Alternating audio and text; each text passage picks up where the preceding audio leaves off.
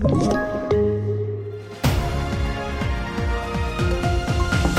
Tusentals väntas demonstrera mot vaccinpass idag. Rättegången mot Ola Bini förlängs och svenskarna fortsätter att vräka i sig glass. Ja, här är TV4-nyheterna och vi börjar med att i eftermiddag väntas demonstrationer mot vaccinpass i både Stockholm och Göteborg och även på andra platser runt om i världen.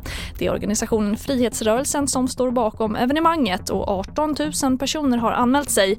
Men i Stockholm har polisen endast gett tillstånd för 3 000 personer med hänsyn av de centrala platserna. Och till följd av demonstrationerna kommer flera vaccinmottagningar i området att hålla stängt, det uppger Region Stockholm. Här hör vi Felix Andåker på polisen i Stockholm. Vårt uppdrag är ju naturligtvis att, att genom dialog och kommunikation hjälpa arrangörerna att det ska kunna genomföras på ett tryggt och säkert sätt.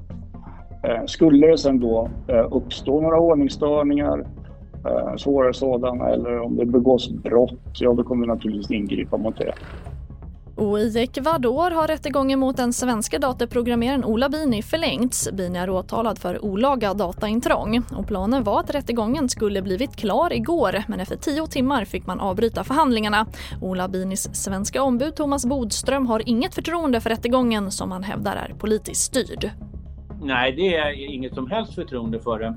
Men genom den uppmärksamhet som har varit Eh, så är det ändå ett tryck på domstolen att försöka visa att det här ändå på något sätt kan ha gått rätt till och att man inte är styrd. Så att ju mer uppmärksamhet desto bättre är det för Ola. Och det sa alltså Thomas Bodström, Ola Binis svenska ombud.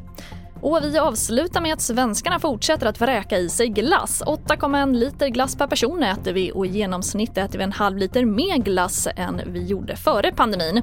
Och vi äter dessutom lyxigare sorter och det här enligt analysföretaget Nielsen statistik från dagligvaruhandeln som glasstillverkaren Sia sammanställt. Och försäljningen av de dyrare glassarna premiumglass ökade med 93% hos Sia och även konkurrenterna Triumf och GB ser en liknande trend.